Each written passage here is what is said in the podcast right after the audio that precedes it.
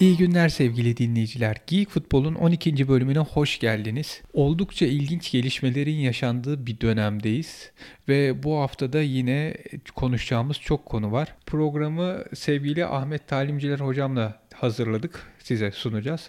Ahmet hocam hoş geldiniz. Nasılsınız? Hoş bulduk. E, Valla iyi olmaya çalışıyoruz yani.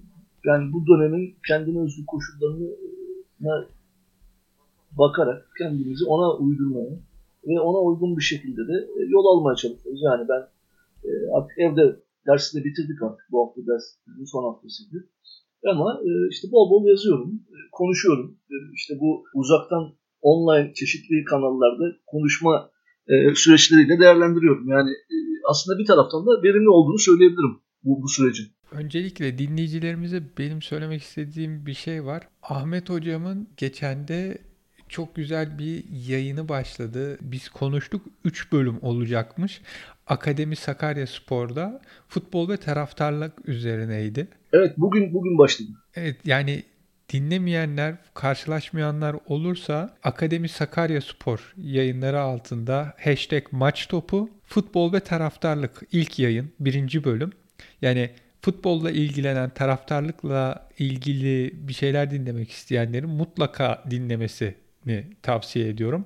Yayınladı maç topu tekrar söylüyorum. Bence kaçırılmaması gereken yayınlardan futbolla ilgilenen, da Türkiye ile ilgilenenlerin mutlaka bir e, göz atması gereken yayın diyorum. Onun dışında zaten hocamın T24'teki yazıları da ben özellikle son çıkan son iki yazınızı hocam çok beğendim. Yani diğerleri de çok güzel ama gerçek ötesi zamanlarda sözü uçmuyor. Hakikaten evet. tüm dünyada bu post-truth sonrası dönemde yaşananları çok güzel anlatıyor. Pozitif çıkanları ayırır yola devam ederiz de futboldaki değişimi gerçekten çok net ortaya koyuyor. Zaten ben fark ettim en çok okunanlar listesindeydi birkaç günde T24'te. Şimdi aslında e, her iki yazı da yani şöyle söyleyebilirim. Her iki yazı üzerinden baktığımızda bu post-truth sonrası e, yani bu gelişmelerle ilgili olarak kafamda uzun zamandır vardı. Aslında oraya verdiğim örnekler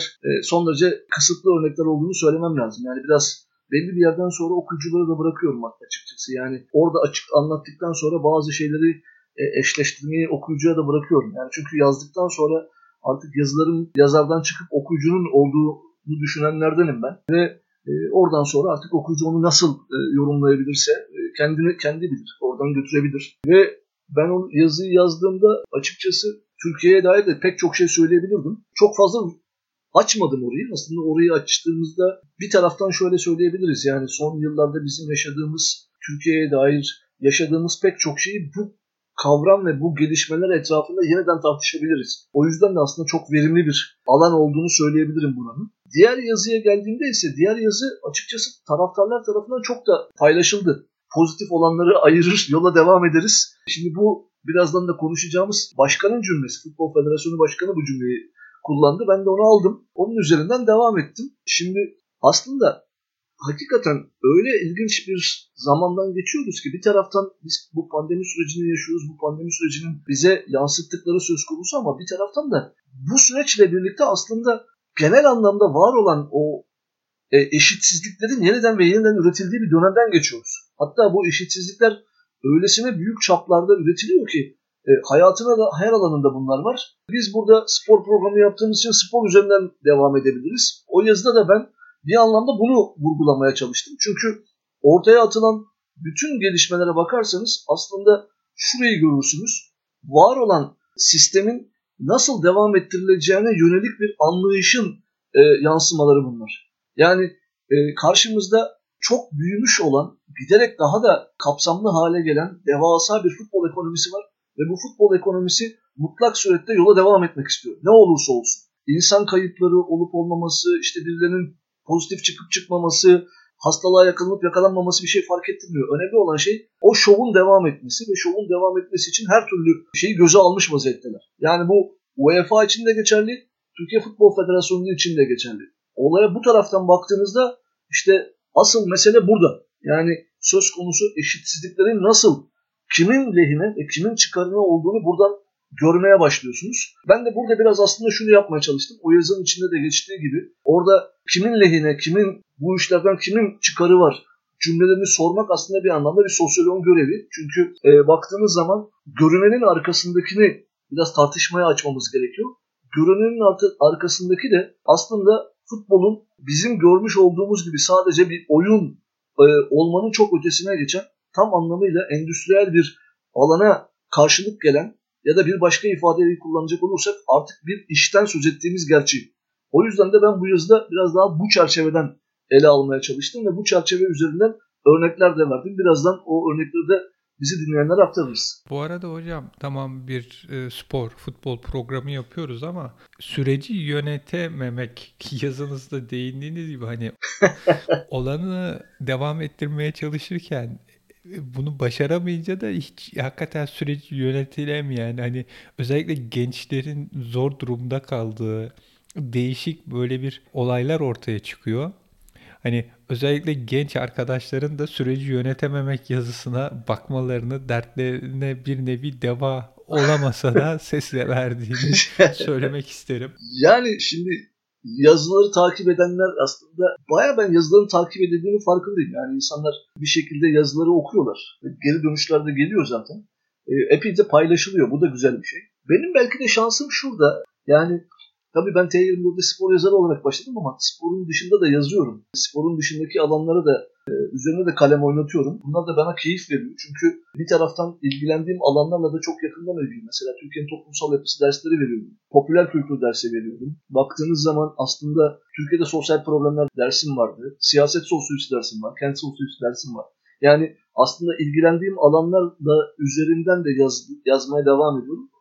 Bunun bana belki en büyük katkısı şu oluyor. Tabii Türkiye'de artık gerçek anlamda şey de çok fazla kalmadı. Böyle de bir durum söz konusu. Yani e, maalesef medya üzerinden konuşmaya başladığımız zaman medyanın çok tartışılır bir yapısı söz konusu. Öyle olduğu için de e, insanlar gerçek anlamda yorum ve gerçek anlamda haber almak için e, alternatif sitelere bakıyorlar. E, oradaki yazıları takip ediyorlar. Bu da tabii benim ya da benim gibi yazan insanların okunurluğunu arttırıyor. Şimdi böyle de bir boyutu var. E, ama belki de en büyük avantajım hali hazırda üniversitede personeli olmam ve oradaki olup bitenleri de gördüğüm için de onları da bu gözle yazıyorum. Epeyce eğitimle ilgili yazım var. Aslında şu anda araya bu süreç girdi. Şöyle söyleyebilirim. Futbolla ilgili kitap çıktı ama popüler kültür e, ve sosyal medya üzerine bir e, yazılardan oluşan bir kitap hali hazırda duruyor. E, bir tane de eğitimle ilgili bir kitap ilgili yazılar duruyor. Yani baktığınız zaman yani epey yazı yazmışım. Epey yazı yazarak aslında bir tarafa atıyorum. Yani yazdıklarımı bir kenara atıp onları demlenmeye bırakıyorum. Onlar üzerinden tekrar devam ediyorum.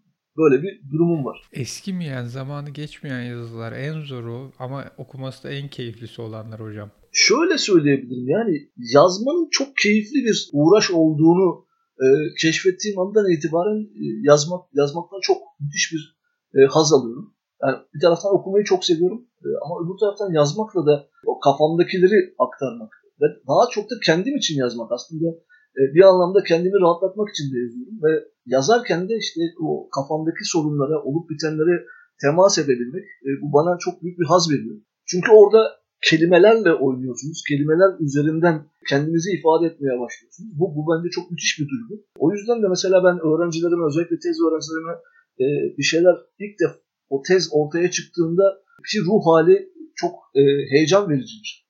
Yani çünkü insanın bunu ben yazdım demesi, bunun yazdığımı o özdeşleşmeyi kurması müthiş bir duygudur. O yüzden gerçekten yazmak aslında bir taraftan dünyanın en zor şeylerden bir tanesi.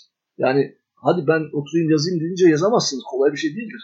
Dışarıdan görüldüğünde çok kolay gelir ama gerçekten karşınızdaki insana bir şeyleri aktarmaya çalışarak yazabilmek o kadar kolay bir durum değildir. Onun için hani o klasiktir. Yani işte bir Picasso yanlış hatırlamıyorsam Picasso'nun e, o bir sergide e, resmiyle ilgili olarak şey sorarlar. İşte ne kadar fiyatını söyler. E, bu kadar olur mu? Ama cevap olarak şeyi söyler.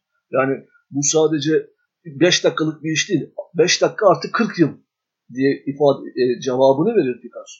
Yani bu aslında farkında olmadığımız çok geçmişe doğru giden birikimin ürünü ve o birikimi devam ettiriyorsunuz. Ve o birikimin olabilmesi için de gerçekten de, e, sürekli olarak üzerine bir şeyler koymanız gerekiyor. Bakmanız gerekiyor. Farklı yerlerden takip etmeniz gerekiyor, okumanız gerekiyor.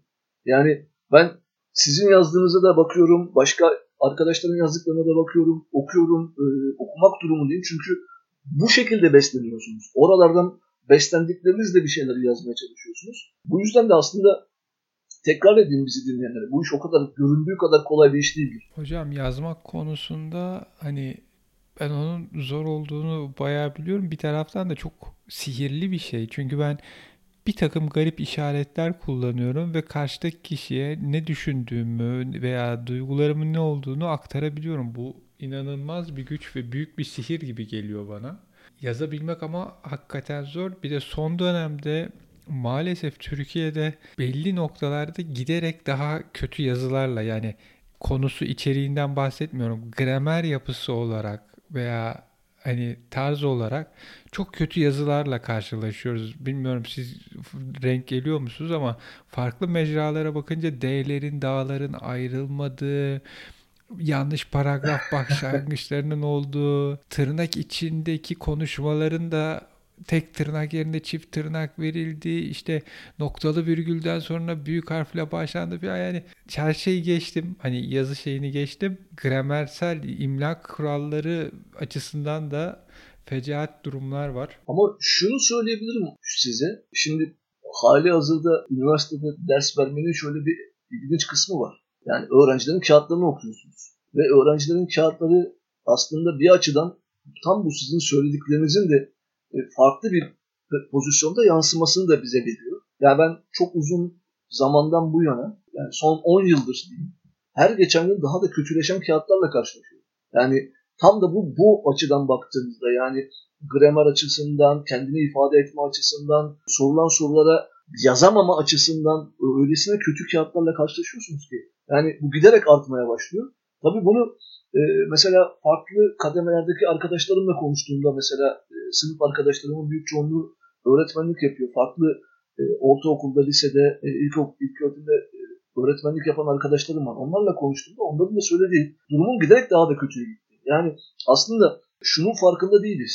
Ülke olarak biz tabii gerçek anlamda bir yazılı kültürü üretme konusunda çok sıkıntılı bir yerden başladık. O kültürü tam anlamıyla oturmadan, oturtmadan televizyonla karşılaştık. E, onun üzerine internet teknolojisi, sosyal medya geldi ve işler daha da sarpa sardı bence. Ve şu anda baktığımızda buna uygun olarak yetişen bir nesil var karşımızda. Yani o nesil tam anlamıyla bunu konuşuyor. Bunun üzerinden çok hızlı yazıyorlar mesela ama yazdıklarına baktığınız zaman e, ne anlama geldiğini konusunda çok e, sıkıntı yaşarsınız. Ve bu durum diğer taraftan az önce sizin söylediğiniz gibi e, o aslında genel anlamda var olan vasatlıkla da birleştirip ortaya çok e, feci bir e, durumu ortaya koyuyor. Yani kendi dilini konuşamayan, kendi dilini yazamayan, kendini ifade edemeyen ve ne yazık ki bunun medya gibi bir mecra üzerinde de e, şekillendiğini görüyorsunuz. Mesela dün akşam, dün çok tartışılan bir konuydu işte 19 Mayıs'la ilgili olarak devlet televizyonunda Cumhuriyet Bayramı olarak e, orada Ha, evet. E, TRT haberlerinde geçmesi Cumhuriyet Bayramı durumu. ve 3 tane sunucu geçti. Hiçbiri de fark etmedi. O da ayrı bir konu. Yani bu, bu, bu çok bu çok müthiş bir şey. Yani ama mesela bu durumun öyle geçmesi tartışmaya konu olurken hemen anında tam da o, o gerçek ötesi zamanlardaki yazıma e, atıfta bulunayım. Tam da buna atıfta bulunacak bir şey ortaya çıkıyor. Mesela or, Türkiye'de bir şey yaşanıyor. Yaşanır yaşanmaz birisi o konuyla ilgili işte tweet attığında o konuyla ilgili görüş bildirdiğinde hemen karşı taraf ortaya çıkmaya başlıyor ve anında kutuplaşan, anında iki kampa ayrılan, yedirmeyiz, e, harcatmayız diyen başka bir kitle ortaya çıkmaya başlıyor. Ve onlar da kendilerini var olan durumla üzerinden değil, başka bir şey üzerinden o durumu savunur hale getiriyorlar. Böyle garip bir ruh hali ortaya çıkmaya başlıyor ve o ruh hali aslında giderek içinde yaşanılan ülkeyi, içinde yaşanılan toplumu var olan anlayıştan uzaklaştırmaya, bir arada ortak paydada buluşma konusunda giderek uzak düşmeye doğru götürmeye başlıyor.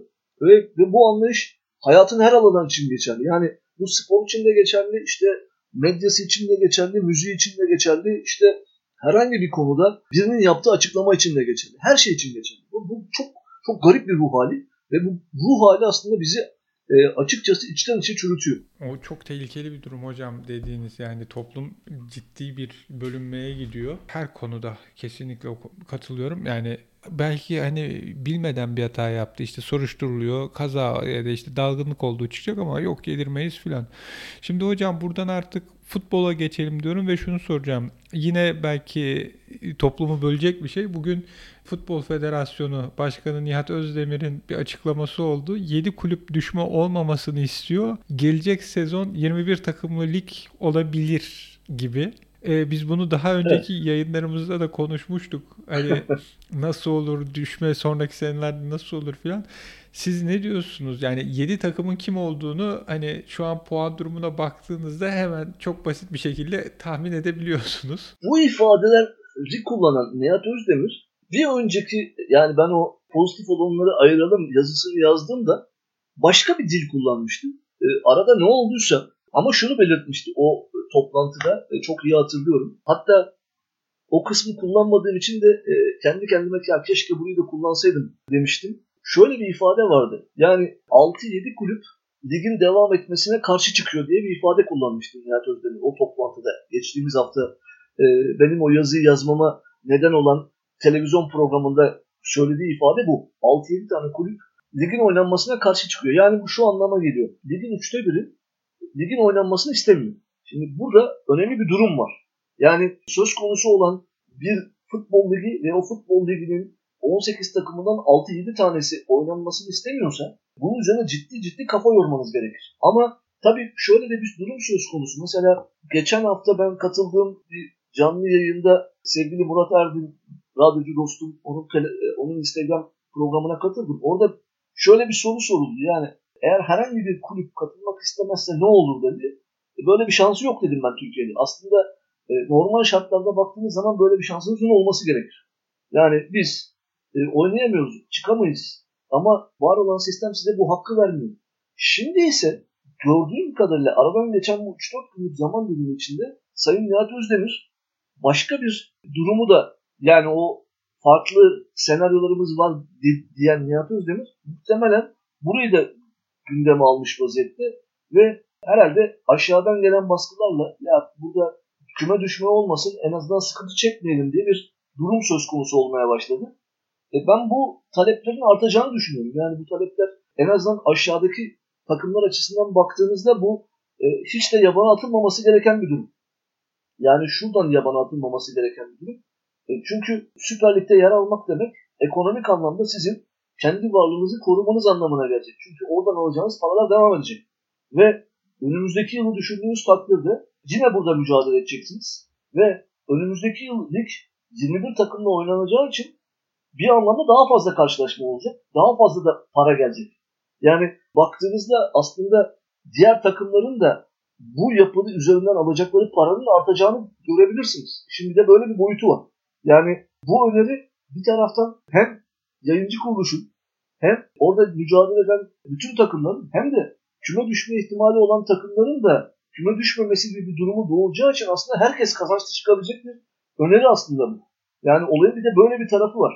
Ha bunun olumsuz kısımları var mı? Var. Onu da birazdan konuşuruz ama ilk etapta benim gözüme çarpan husus aslında bu işin ekonomik boyutları e, üzerinden aslında bayağı büyük bir getirisi olacağı gerçeğiydi. İlk etapta bunu söylemem lazım. Ben de şey düşündüm hocam. Bu hani düşmemeyi kabul edersek hani 6-7 takım oynanmasına karşı Hani onlara büyük ihtimal bu düşme olmasın diyen 6-7 takımdı diye benim düşüncem o ve şey dendi. E, tamam siz bunu oynayın. Ta, hastalık hastalık var. Evet işte pozitif çıkanları ayırır devam ederiz. Karşılığında bu sene ligden düşmeyeceksiniz. Seneye de devam edeceksiniz. Hanginiz düşerse düşsün düşme yok. Böylelikle o 6 takımı ikna etmeye dönük bir plan yaptılar ilk başta gibi düşünüyorum ben. Hani sorun çıkmasın. Ben de işte aynı kanaatteyim. Yani işte dediğim gibi geçen haftaki o programda eğer 6-7 takım oynatılmasına karşıysa o 6-7 takımı da e, bu yapının içine çekmek ve herkes ortak karar verdiği ifadesinin altında biraz böyle bir şey yatıyor gibi geliyor bana. Ya bu yapılabilir. Yapılmayacak bir şey değil. Türkiye'de daha önce de denendi, daha önce de yapıldı. Hatta gayet net bir şekilde şu da dur. Şöyle bir ihtimal de söz konusu. Yani şu anda elim, elimizi güçlendiren, yani Futbol Federasyonu'nun elini güçlendiren şöyle bir olay da var. Olağanüstü bir zamandan geçiyoruz. Bu olağanüstü zamanlarda hiç kimseyi mağdur etmeyeceğiz. E, o yüzden de böylesi bir e, değişikliğe gidiyoruz. Hocam hemen araya giriyorum. Pardon ama kimseyi mağdur etmeyeceğiz değil. Seyirciyi işte bu Lig TV paketi alanları falan mağdur edebiliriz. Oraya hiç değinmiyorlar. e, o, o, orası orası e, sihirli alan. Orası orayla ilgili kimsenin derdi yok. Orası nasılsa onlar para vermeye devam ediyorlar. O, o önemli değil. Şimdi asıl orayla ilgili de birazdan şuradan konuşalım. Mesela bu maçlar naklen yayınlandığı takdirde insanlar gene gidip bir yerlerde seyredeceklerse nasıl olacak? Problemlerden bir tanesi bu mesela. E işte şey, kahveye falan gittiğinizde ya da maç izlenen yere masalar biraz ayrı olacak. Ondan sonra... E, aca, acaba işte e, o, o kadar basit değil işte. yani sizin de benim de gayet iyi bildiğim gibi her yerde bu kadar kolay değil bu iş. Epey büyük paralar harcayan şimdi evdeki insanları bir tarafa geçiyorum. Bir ticari işletmeler var. Yani buraya bayağı büyük paralar yatıran e, bu paralar bağlayan insanlar var. E, o insanlar da o paraları çıkartmaya çalışıyorlar. Çünkü onlara en ufak bir kolaylık sağlanmadı. Yani kendisinin kahvehanesi için, birhanesi için, kendisinin kafeteryası için Lig TV paketi alıp bu maçlar üzerinden özellikle de işte o söz konusu olan Galatasaray, Fenerbahçe, Beşiktaş, Trabzonspor o rekabeti daha fazla seyrettirmek için oradan para kazanmak diye düşünen insanlar bu buraya paralar yatırdılar. Şimdi e, bu sözünü ettiğiniz mesafe durumu devreye girdiğinde iş o kadar kolay olmaz. E, her şeyi düşünmemiz gerekiyor. Tamam da işte toplumda biraz hastalık kapmayanlar da kapsın ki kitlesel bağışıklık kazanalım lütfen yani. Bunu da bir taraftan düşünüyorlar yani o maçlarda bir sarılma filan işte atıyorum 10 bin kişi daha hastalığı geçirse kitlesel bağışıklık oranında da bir yükselme olur. Yani ince detaylar. pozitif çıkan olursa gelecek maçı almayız yani. Pozitif mi çıktın? 15 gün yok izleme bizde. yani şimdi buradaki mantık mutlak surette oynatmaktan geçiyor. Zaten sizde de yayın başında yayından önce konuşmuş olduğumuz gibi bizi dinleyenlere tekrar o bilgiyi verelim. Voleybol, basketbol ve diğer liglerin büyük çoğunluğu bitti. Yani orada lig, ligler e, iptal edildi. Şimdi oradaki yapı farklı şekilde işliyor. Çünkü orada söz konusu bu durumun karşılığında büyük bir getiri yok. Ama futbola geldiğinizde durum böyle değil. Futbolda çok büyük bir getiri var. Çok büyük bir ekonomik boyut var. Ve kimsenin üzerinde yani birileri tabii ki açıklamalarda bulunuyorlar ama yine de üstün körü geçiliyor. Yani işin sadece naklen yayın boyutu yok. Asıl bahis boyutu var. iddia boyutu var. Asıl üzerinde durmamız gereken kısım iddia kısmı. Ve iddianın da sahibinin eski Futbol Federasyonu Başkanı olduğu gerçeğinin altını tek bir defa daha çizelim. Yani o yüzden az önce konuşmuş olduğumuz o kimin yararına, kimin için meselesi biraz buralarda ortaya çıkıyor. Yani Türkiye'de futbolun özellikle de Süper Lig'in oynatılmasının altında ısrarla durulmasının altında yatan en önemli neden birincisi yayıncı kuruluş, ikincisi bahis kuruluşu. Yani bu ikisi bu yapıyı domine ediyorlar ve bunun üzerinden her şey gidiyor. Şimdi Olaya bu taraftan baktığınız zaman bakın asıl resmi daha net görmeye başlıyorsunuz. Asıl resim aslında buralarda şekilleniyor.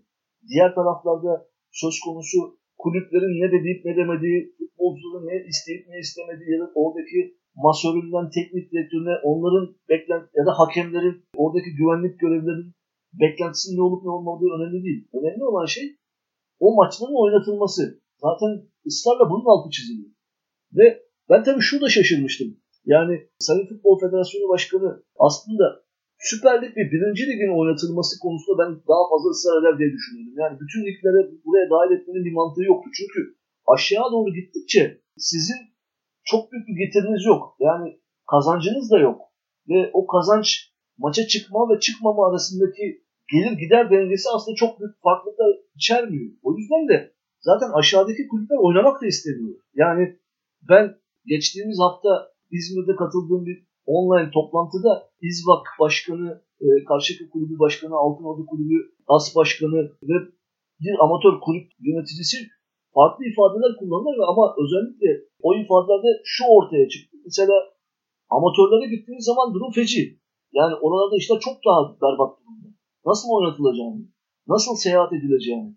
Çünkü e, ekonomik anlamda çok büyük problem. Şimdi düşünün bir maça e, bir otobüs gidiyorsunuz. 40-50 kişi. E ama şimdi e, 40-50 kişiyle bir otobüs gidemeyeceksiniz. İki otobüs gitmek zorundasınız.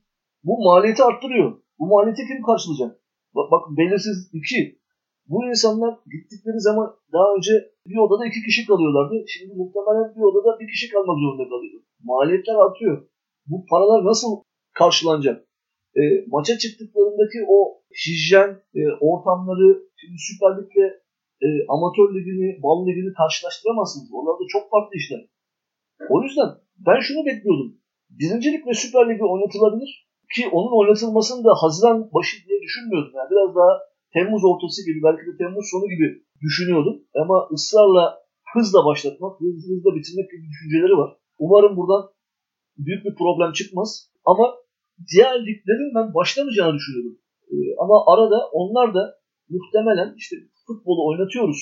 Futbolu oynatmak gibi bir gayemiz var. Her tarafta, her kademede e, bunu yapıyoruz algısını kamuoyuna duyurmak için bence bir anlamda onlar da bu yapının içerisine dahil edildiler gibi geliyor. Yoksa or- oralarda insanların ya da kulüplerin büyük çoğunluğunun oynatılmama taraftarı olduğunu. Mesela Karşıyaka Spor Kulübü Başkanı dedi ki %70, %80 oranında ikinci liglerde, üçüncü liglerde insanlar oynamak, kulüpler oynamak istemiyorlar.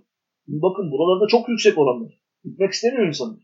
O yüzden bu iş giderek daha tuhaf bir yere doğru gidiyor. Umarım en az hasarla çıkarız. En az problemle bütün bu sorunlar çözülür ama yine tekrar edeyim. Yani bakın Türkiye'de ki bu durum sadece Türkiye'ye özgü de değil. Onun da altını çizmek lazım. Yani e, yaşadıklarımız sadece Türkiye'nin sorunu değil. O yazıda ben UEFA Başkanı Cefer'in açıklamalarından da e, bir takım e, satır başları koydum. Yani orada da baktığımız zaman aslında tam anlamıyla var olan durum üzerinden kendisine pay çıkartmak isteyen bir adam görüntüsü görüyorsunuz. Yani derdi hiçbir şekilde futbolcular ya da orada ter döken emekçiler değil. Sadece ve sadece var olan UEFA sisteminin, Şampiyonlar Ligi'nin ve Avrupa Ligi'nin oynatılmasını arzu eden ve buradan gelecek olan paraya odaklanmış olan bir adam görüyorsunuz. Başka hiçbir şey yok. Çok net bu. Hocam sizin yazıdaki sorunuz da çok doğru. Kendisi işte olaylar düzelip e, seyircili maçlara hani maçlara seyirci almaya başlandığında ilk giden ben olurum diyor. E sizin sorunuz güzel. O zaman şimdi niye gitmiyorsun? Yani bu o soruyla zaten pek çok şey de ortaya çıkıyor. Yani tamamen biraz önce dediğimiz gibi bir sistem var. Bu devam etsin diye hem UEFA nezdinde böyle hem Türkiye Futbol Federasyonu nezdinde böyle. Fakat geçen de bana bir tanıdığım bir arkadaşım bir resim gönderdi. Bu 1800'lerdeki yanılmıyorsam İspanyol gribinin hani birinci, ikinci ve üçüncü dalgasını gösteren. Gerçi yoğunluktan doğruluğunu kontrol edemedim ama şöyle bir şey diyor. Yani birinci dalga geçti, yaz ayına gelindi. Evet, Eylül'de evet. ikinci dalga çok sert vurdu. 1918, 1919, 1920 3 yıl sürüyor ve o 3 yıl içerisinde aslında birinci dalga geliyor aşağı hızla düşüyor. Ondan sonraki dalga çok daha büyük geliyor. O tablonun benzerini farklı bir yerde ben de gördüm. E, çok etkileyici. Gerçekten çok etkileyici. Evet 1800, 1918 1919 ve işte hocam şeyi düşün hani şu an bütün dünyada bu tartışılıyor, bu konuşuluyor. E işte Finlandiya'da da bu konuşuluyor. Amerika'da da bu konuşuluyor, Türkiye'de de bu konuşuluyor, her yerde konuşuluyor. E, bütün ülkeler aynı şeyi söylüyor. Yani biz bu şekilde devam edersek 6 aya iflas ederiz ülke olarak. Ekonomiyi hareket ettirmemiz lazım. Fakat bilim insanları ve doktorlar bağırıyor. Önlemleri bırakırsanız hani Eylül, Ekim gibi çok büyük bir ikinci dalga gelir. Bundan daha beter olur. Aşının hemen olmayacağı belli ve şu an hükümetlerin aldığı kararın bilim insanları yanlışlığını belir e, bu yanlış diyorlar ama çok da seslerini duyurabileceklerini zannetmiyorum. Hakikaten ekonomiler çok kötüye gidiyor. Fakat ikinci dalgada sert vurursa ondan sonra ekonomi üstüne bu sert bir şey nasıl olur? Bir arkadaşıma doktor tanıdığı şey demiş çocuğuyla ilgili anaokulu ile ilgili hangi ülkeden nereden olduğunu söylemeyeceğim de gelecek sene hiçbir okula kayıt yaptırma çünkü Eylül'den sonra büyük bir patlama olacak. Büyük ihtimal yine çocuğu okula gönderemezsin. Hani şey yanmasın, boşuna para verme. Bu, bu söylediğiniz durum gerçekten yani o özellikle söz konusu tüm dünyada 3-4 tane farklı senaryo çiziliyor biliyorsunuz. Yani karamsar, orta karamsar ve daha iyimser senaryolar var. Bu da onlardan bir tanesi ve şimdi bir taraftan baktığınız zaman da yani tüm dünyadaki yani şimdi kendi ülkemiz açısından da dünyadaki diğer ülkelere de baktığımız zaman yaşanan vaka sayısı, ya da nüfusları düşündüğünüz zaman %65-%70'leri bulmanız gerekiyor ki oradan sonra işler biraz daha farklı bir aşamaya geçebilsin. E, ama şu anda hiçbir yerde böyle bir şey söz konusu olmadı. Daha olmaz. Daha çok erken. Bu taraftan baktığınız zaman da aslında sorun orta yerde duruyor. Yani bilim insanları o yüzden boşu boşuna bağırmıyorlar. Yani aman e, dikkat edelim. İlla AVM'ye gitmemiz gerekmiyor. İlla şunu yapmamız gerekmiyor. Daha tedbirli olarak sokaklara çıkmak. Tedbirli olarak bir takım şeyleri yapmayı sürdürmek durumundayız. Ama gerçekten de şunu düşünmemiz lazım. Mesela şu anda yani benim yaşadığım kent için düşündüğümde yani şu an itibariyle önümüzdeki cumartesiden itibaren de 4 gün evde kalacağımızı düşünürseniz eğer ay sonunda da 2 gün yine sokağa çıkma kısıtlaması gelirse ben Mayıs ayının 15 günü evde geçirmiş oldum. Yani 16 gün 16 gün çıkabiliyorum, 15 gün içerideyim. Şimdi böyle bir durum. Bu hakikaten e, kolay bir süreç de değil. Bir taraftan baktığımız zaman da yani insanların o alıştıkları yani kendilerine çünkü insan sosyal bir varlık ve sosyal bir varlık olarak da kendisini var kılmasını sağlayabilecek şeylerden bir tanesi de diğerleriyle kurmuş olduğu etkileşimden geçiyor. Yani siz her ne kadar insanlara şunu söylerseniz söyleyin. İşte hayat eve sığar, evde hayat var, şöyledir, böyledir. Vardır ama insanı asıl var kılan şey sadece ev değildir. Asıl var kılan şey diğerleriyle beraber olduğu çevresel mekanlardır. Yani o etkileşimdir. O etkileşim ortadan kalktığında büyük bir problem ortaya çıkar. Şimdi mesela biz evde işte üç kişiyiz ama şunu da düşünün. Tek başına yaşayan insanlar var ve hiç çıkamıyorlar. Şimdi e, bunlar için çok daha büyük bir sorun bu. Yani baktığınızda bu sorunları birlikte düşünmemiz gerekiyor. Ha işin şu boyutu tabii ki hali hazırda duruyor önümüzde. Söz konusu gerçekten aşı bulununcaya kadar, ilaç bulununcaya kadar çok büyük bir problem var. Ve bu problemi halledebilmenin yolunda o kurallara uymaktan geçiyor. Uymak zorundayız çünkü e, aksi takdirde işler çok zorlaşacak. Ama bütün bunları yaparken de işte ekonomik anlamda bir takım şeyleri düşünmek, oradaki liderler bunu düşünmek durumundalar. Tamam düşünüyorlar ve uygulamaya sokuyorlar. Ama gerçekten şey yapmak gerekiyor mu ondan çok emin değilim. Yani işte ligleri oynatmak, maçları devam ettirmek, sanki hiçbir şey olmamış gibi davranmak bana çok mantıklı gelmiyor. Yani tamam ekonomik anlamda çok sıkıntıya girecekler. Ee, çok büyük problemler yaşanacak. Doğru. Ama söz konusu herhangi bir sporcunun sağlığında yaşanabilecek bir olumsuzluğun karşılığının ne olacağı gerçeğini de atlamamamız gerekiyor. Şimdi de böyle bir boyutu var. Yani Sayın UEFA Başkanı Ceferi'nin söylediği sıfır risk hiçbir sektörde e, mümkün değildir lafı doğru tamam. Ama sıfır risk hiçbir sektörde mümkün değilse o zaman siz niye uzaktan toplantılar yapıyorsunuz? Neden karşılaşmalara gitmiyorsunuz? Ya da orada da belirttiğim gibi mesela Türkiye'de Süper Lig şampiyonu olduğunda Sayın Nihat Özdemir ve ekibi yönetim kurulu gidip bizzat kupayı verecekler mi? Madalya takacaklar mı? Merak ediyorum açıkçası. Bu soruları da insan sor, sormak istiyor. Yani gerçekten bunu yapacak mısınız? Yoksa orada da uzaktan ya kupa burada alın kupanızı buyurun sosyal mesafe kurallarına uyarak sevinin ve ondan sonra da evinize gidin mi diyeceksiniz. Yani bütün bunlar da açıkçası sorular olarak orta yerde duruyorlar. Hocam futbolun fıtratında var bu lütfen yalnız. Yani futbolun fıtratında bu hastalıklar geldi mi çocuk oynayacak. Ya şöyle bir şey daha var. Bu arada ben bugün eşimle de konuştum. Yayından önce size de söylemiştim. Hani aşı bulunana kadar toplumun %99.9'u bu hastalığı geçirsin. Siz geçirmemiş olun. E sizin yani bağışıklık kazanmanız için aşıyı da beklemiyorsanız illa bu hastalığı geçirmeniz gerekiyor. Eğer kritik durumdaysanız ya da işte hani 65 yaş üstü de demiyorum başka hastalıklarınız da varsa ona göre bir önlem alınması lazım. Yani toplumun büyük kesimi geçirdi tamam hayata dönebiliriz değil. Yani bireysel anlamda baktığımızda da bir kişi bu hastalığı geçirmediyse Allah korusun kalp işte ciğer başka bir hastalığı varsa o zaman o önlemler alacak şekilde hayatına devam etmesi gerekiyor. Ben bir de şeyi düşünüyorum hocam spor açısından. Geçen de şöyle bir şey e, bizim eski yayınlardan birini tekrar dinlerken aklıma geldi. Eylül'de bu ikinci dalga büyük gelirse size 3 program önce konuşmuştuk. Hani bu hem NBA'de hem NFL'de şey yaptılar. Oyuncular video oyunları üzerinden oynayıp işte destekledikleri koronavirüs vakıflarına para kazanıp gönderdi kazanan.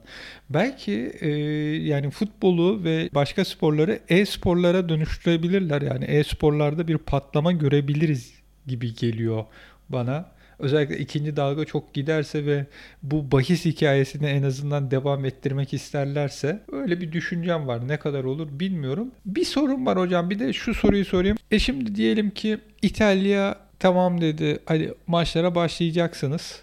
Allah korusun İtalya'da başlandı.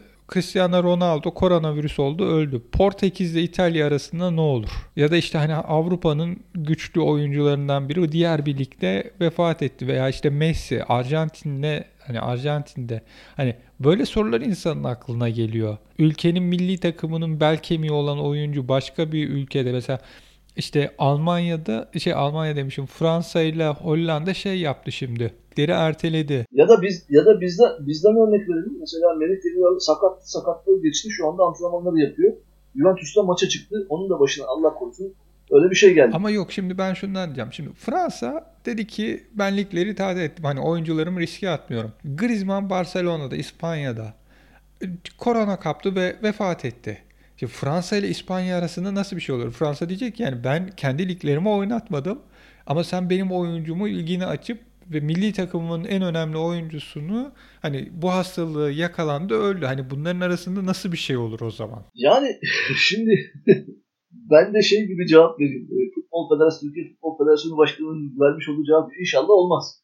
Ee, başka bir cevap veremiyorum ama olay şöyle tabii. Söz konusu özellikle şey kısmını sorduk söylediğimizde yani Fransa milli takımının futbolcusu bu şekilde öldüğünde e, ne olur? Tabii sıkıntı yaşanır ama sonuç itibariyle aynı zamanda da Barcelona takımının sözleşmeli oyuncusu olduğu için Fransa milli takımının çok da fazla yapabileceği bir şey yok.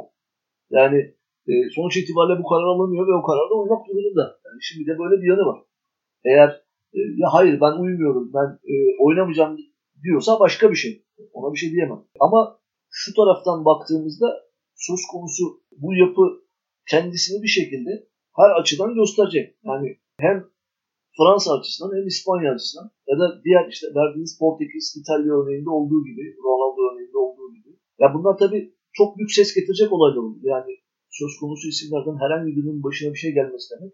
İşte Fatih Terim'in korona olması gibi bir şey. Bunun çok tartışılmasına çok daha büyük çalkantılara neden olur. Yani o çok açık.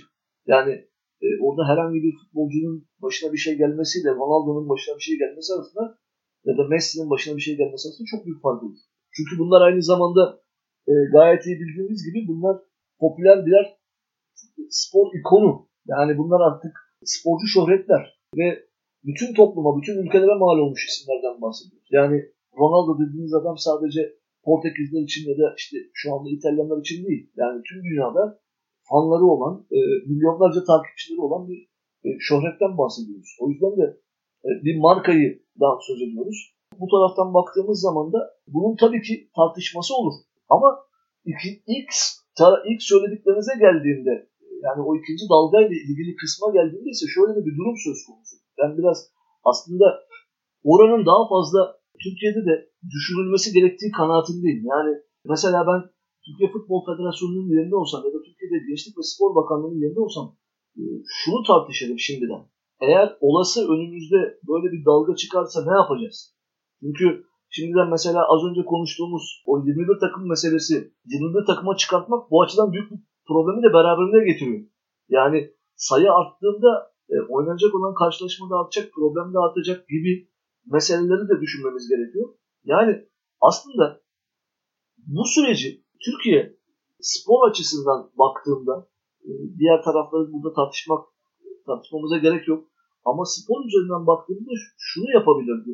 Gençlik ve Spor Bakanlığı bütün federasyonları etrafına toplayıp bu alanda kafa yoran insanlardan da fikir alarak ne yapabiliriz? Yani söz konusu ne gibi düzenlemeler yapabiliriz ki biz e, Türkiye'de sporun olası olağanüstü zamanlar ortaya çıktığında neler ne gibi adımlar atmalıyız? Yani şimdi el yordamıyla bazı şeyler yaptık. İşte dikleri durdurduk.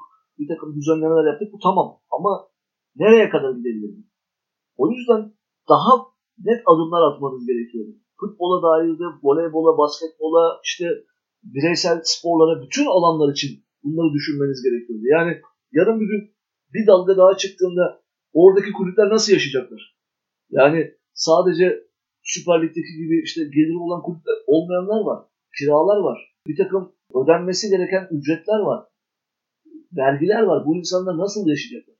Bütün bunları düşünmemiz gerekiyor. Benzer şekilde mesela daha evvel de bunu konuştuk. İngiltere'de örneğinde olduğu gibi İngiltere'deki işte e, var olan spor federasyonunun farklı kademelerdeki e, spor kuruluşlarına destek olması var.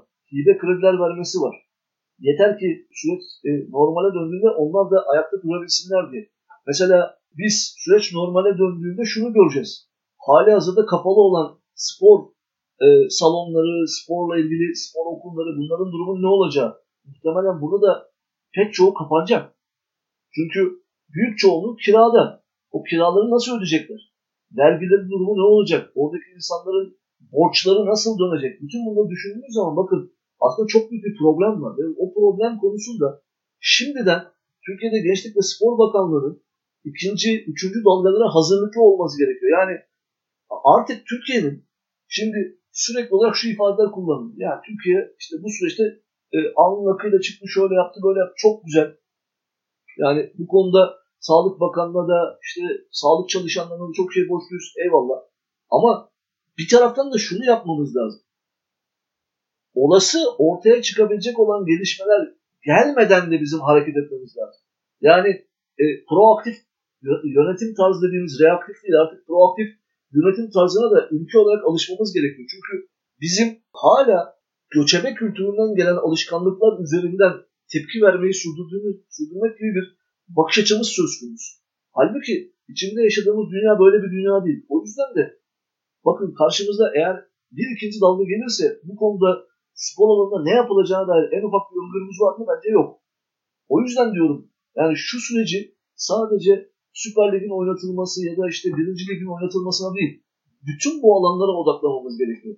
Yani bütün bu alanlar konusunda kafa yormamız, ne olursa ne yapabiliriz? Mesela ligleri değiştirmeniz gerekiyor. Artık Türkiye'deki lig sayılarının, oradaki küme düşme, şampiyonluk meselelerini daha farklı bir hale sokmanız gerekiyor.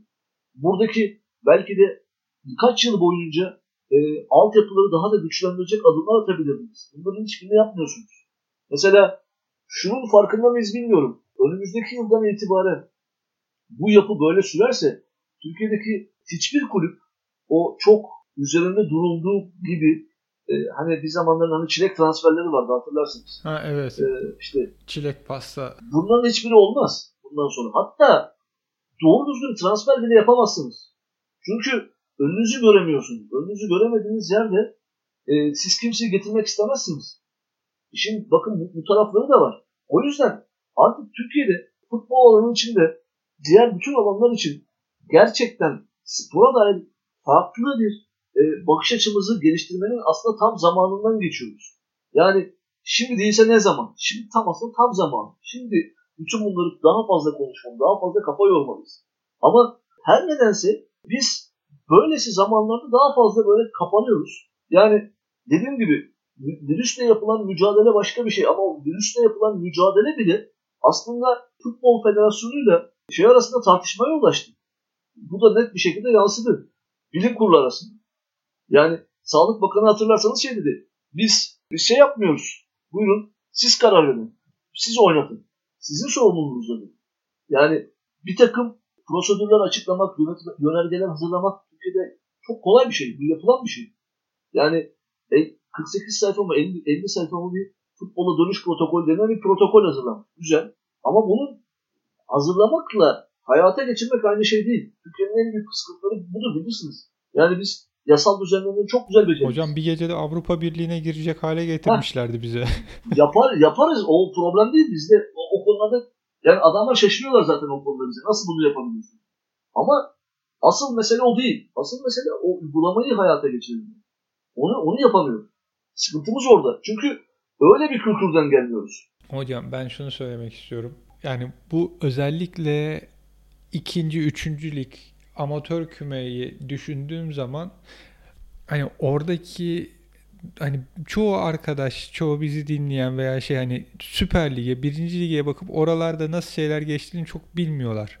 Veya oradaki futbolcuların nasıl hayatları olduğunu, onların nasıl zorluklar yaşadığını. Çünkü herkese şey geliyor. Bu futbolda ilgilenen büyük paralar kazanıyor. En kötü 50 bin dolar falan alıyordur. Hayat öyle değil. Ve hani bu işin hani bakmaları gereken aileler var. Sonradan ne yapacakları var. O yüzden ben şunu söyleyeceğim. Amatör kümede gerçekten bazen insanların ne yaşadığını görmeleri için Kaledeki Yalnızlık diye bir film var. Ee, Volga Sorgun'un yazıp yönettiği e, Numan Çakır'ın başrolünde oynadığı bir film. Bu işte çok parlak bir kaleci bir trafik kazası geçiriyor ve amatör kümeye geliyor. Oğluyla birlikte yaşıyor. 39-40 yaşındaydı yanılmıyorsam. İşte jübile yapacak ama çok da zorlanıyor ve işte bir taraftan da oğluna bir gelecek sunmaya çalışıyor. İşte o ama orada şeyi görüyorsunuz o amatör kümede neler oluyor? Nasıl bir yerden geliniyor? Orada oyunlar nasıl dönüyor? Belki en azından hani şimdi şeylerin biliyorsunuz hani de, demin başta da programın başında da söylemiştik. Türkiye'de hep iki görüş beliriyor. Biri bir şey evet derse öbürü hemen hayır diyor. Yok işte başka Türkiye Futbol Federasyonu Başkanı'nın dediği doğru bütün ligler açılmalı diye savunan bir grup da var. Bu gruba en azından bu kaledeki yalnızlığı izleyip birinci lig ve Süper Lig değil de 2-3 amatör küme için bir daha düşünmelerini söylüyorum.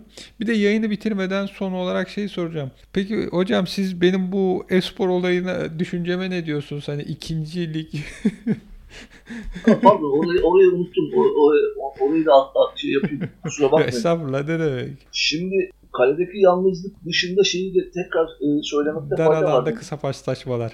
Dar alanda kısa paslaşmaları tekrar seyretmekte fayda var. Aslında bence kıymeti bilinmeyen bir filmdir. Çok önemli bir filmdir. E, çok da iyi bir e, oyuncu kadrosu olan bir filmdir. Muhteşem bir oyuncu kadrosu vardır.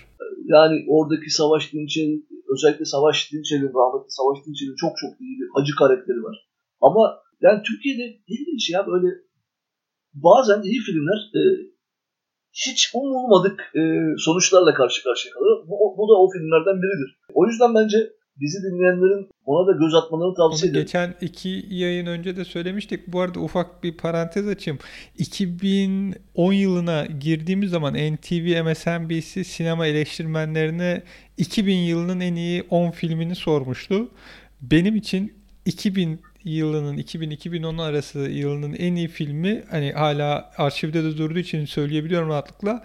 Dar alanda kısa paslaşmalardır. Orada da listemde hatta kimsenin listesinde yoktu. Benimkinde birinci sıradaydı. Hani benim için her zaman o filmin ayrı bir yeri vardır. Bir de şeyi önerebilirim dinleyenlere. O da benim kendi tez öğrencimdi. E, Safter Elmas şu anda Marmara Üniversitesi Spor Bilimleri Fakültesi'nde araştırma görevlisi doktora yapıyor. Onun ah bir futbolcu olsak diye bir iletişim yayınlarından çıkmış kitabı vardır. E, tez, tezidir bunun. E, orada da aslında eski futbolcularla hali hazırda futbol oynayan gençlerle yapılan e, derinlemesine görüşmeler vardır. Aslında tam da bu meseleyi biraz Bourdieu'cu perspektiften alarak Bourdieu'nun kavramlarını alana uygular e, ve onun üzerinden gider. Şimdi sorduğunuza geleyim. Sorduğunuz için de şunu söyleyebilirim. Aslında tam da buna uygun bir zaman var. Doğru, haklısınız. Çünkü e-spor bu dönemde daha fazla canlılık da kazanıyor. Hatta geçtiğimiz günde birkaç gün önce oğlum bana şey gösterdi. İşte bu oynatılan e-sporlar şeyleriyle ilgili, karşılaşmalarıyla ilgili yani buna benzer karşılaşmalarla ilgili işte o konsol oyunun oynatılmasıyla ilgili olarak bir takım işte Ümit Karan yorumcu, yorumcuları falan koyuyorlar oraya. Onlar yorumluyorlar maçları. Orada atılan golleri. Böyle de enteresan dakikalar geçiriliyor. Yani futbol severler açısından işin bir de böyle renklendirme durumu söz konusu. Daha evvel de konuşmuştuk hatırlarsanız. Mesela e, kim e, LeBron James'in hazırladığı bir takımı seyretmek istemez ki gibi bir ifade kullanmış. Bir şey demiştik Messi ile Ronaldo'nun maçını kim izlemez evet. diye. Yani şimdi böyle baktığınızda ilgi çeker. Bu zamanlarda açıkçası ben bu tarafın daha fazla ön plana geçeceği kanaatindeyim zaten. Yani dünyanın gidişatı o tarafa doğru. Ben e-sporun belki de çok daha hızlı bir şekilde 2000 ben 20, 2024 beklerken 2024'ten daha da öne, öne geçecek. Yani e-spor diğer alanların daha önüne geçip e, daha fazla söz sahibi olmaya başlayacak gibi gözüküyor. Çünkü e, var olan durum onun etkinliğini ve seyredilebilirlik oranını arttırmaya başlıyor. Şimdi böyle bir yanı var. O yüzden de ben bundan sonra bu tarafın başta burası e-spor alanı olmak üzere Ve tabii ikinci olarak daha evvel de o iddiada bulunmuştum. Daha bireysel sporların, açık havada yapılan sporların daha fazla tercih edileceği kanaatindeyim. Yani insanların bir kısmını siz ne kadar ne ne söylerseniz söyleyin onlar gene bildiğini yapacaktır ama bir kısmı açısından baktığınız zaman onlar kolay kolay e, artık yani spor salonuna da gitmeyecektir. Gitse bile çok dikkatle gidecektir. Futbol karşılaşmasına da gitmeyecektir. Konsere de gitmeyecektir. Yani onlar için yani bazı daha böyle daha e, şüpheci, olup bitenlere daha pimpirikli yaklaşan insanlar da vardır. Onların durumu çok daha farklı gerçekleşecektir. Ama onlar e, bu yapıda çok da etkili olurlar. O yüzden ben sizin söylediğiniz durumun e-spor açısından önümüzdeki dönemde daha etkili olacağı kanaatindeyim. Orada katılıyorum size. Bu arada e, yayını bitirmeden şöyle de bir anekdot vereyim. Şimdi biz e-spor diyoruz ama gerçekte e-spor Dota 2 ondan sonra evet. Overwatch, Doğru. işte Counter Strike gibi oyunların oynandığı ve bunların turnuvalarının yapıldığı World of Warcraft da var e, turnuvalardır. 2017 yılında Seattle'da Amerika'da Seattle'da yapılan Dota 2 turnuvasının ödül havuzu 24 milyon 600 bin dolardı. Ve birinci olan takım 10 milyon dolar aldı.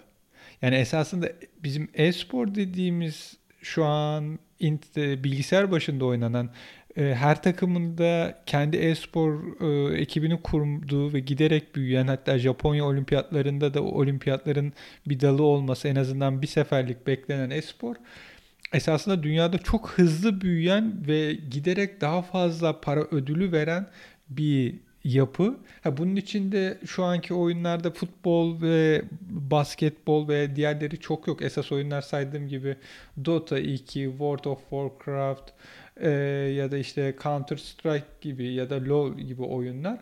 Ama e, yakın gelecekte bu koronavirüs sonrası ne olur bilinmez. Belki futbol ve diğer sporlar da esporun bu dallarıyla birlikte büyük ödül havuzları açabilir. Ben açılacağı kanaatindeyim. Hocam bu haftaki yayın için çok teşekkür ederim. Ben teşekkür ederim. Gelecek hafta tekrardan görüşmek dileğiyle. Sevgili dinleyiciler, Geek Futbol'un bir bölümünün daha sonuna geldik. Artık bildiğiniz gibi yayınlarımızı Spotify üzerinden Apple'ın bir tablet ya da telefonunu kullanıyorsanız podcast application'ına Geekgiller yazarak Android temelli ürünlerde yine podcast application'ına Geekgiller yazarak dinleyebilirsiniz. SoundCloud yayınları yüklediğimiz platformumuz. Bizi Facebook ve Twitter'dan takip edip yayınlarımızı paylaşabilir, yorum yazabilirsiniz. Ulaşmak için de mail adresimiz geekgiller.gmail.com Evde kalın, sağlıkla kalın, mutlu kalın, bizde kalın.